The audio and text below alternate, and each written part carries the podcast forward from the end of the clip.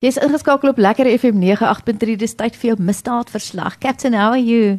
Doing very well, thank you. And yourself, Pietra? I'm fine, thank Great. Oh. you. We're talking about pickpocketing. Yeah. so- That's bad. It is bad. Um, it varies from cell phones, wallets, Yeah. to car keys. I always tell my husband not to put his phone in his top pocket Yes. because it's so fast for someone to just grab it. Put it in your pants pocket. Yeah, I mean. Front. Well, uh, some of the footages that I've seen, I mean, suspects are taking stuff out of handbags as well. Yeah. Okay. Um, so once again, you, you need to understand that, that these guys that are doing these types of crimes, uh, females Yeah. Mm. and males, are they skilled in their in their craft? Yeah, yeah. Okay, um, and they use distraction. Okay. So often within shopping centres, uh, so that's why it's very important to to like your personal space around you Mm. um, with strangers, not to allow them into your personal space. uh, Yeah. Okay, um, because the moment they're able to distract you and, and, and get within close proximity of your personal space. Okay. Yeah. Then they're able to do what they need to do. Yes. And whether your cell phone is, like you said, in your top pocket, or whether it's in your back pocket, or in your front pocket, or in your bag, or whatever Mm. the case is, they are going to um, they're going to get what they want. Yeah, So yeah. what we are picking up a lot of the times is that these guys are actually pickpocketing car keys. okay. We're getting vehicles that are stolen like that. yeah.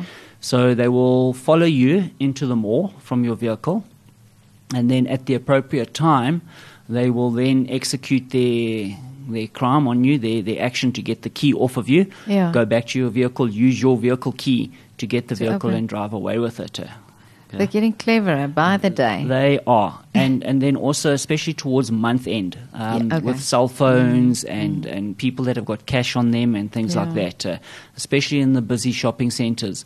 Um, ladies, please don't leave your handbag open um, in the trolley. Mm, yeah, or don't put it in the trolley. Yes, try and keep it with you at all st- at all times. Uh, Mm. Yeah. I mean, I know a lot of ladies nowadays don't take a handbag with them because of that Of issue. that, yeah. um, I mean, I know with, with, with my wife. I mean, when she goes into her bag, it's like a mengelmus. Yes.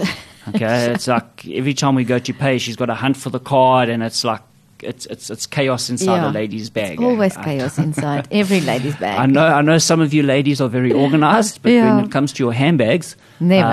unfortunately, not. Eh, So, if you're going to go and do things like that, rather just take the bare essentials with you. Yeah. If you're going to be paying with a card, just keep the card with you in a in a small little purse or something like that that you can keep control of. Another thing that I saw, we went to a restaurant once, me and my daughters, and there was a lady sitting in front of us, and someone took a handbag from the chair behind Yes. her. So don't hang your handbag on your chair. Correct. I put mine down at my feet, under the table. Yes, uh, and I mean some of our ladies out there have got very, very expensive handbags. Yeah. and they don't like their handbags to be on the floor.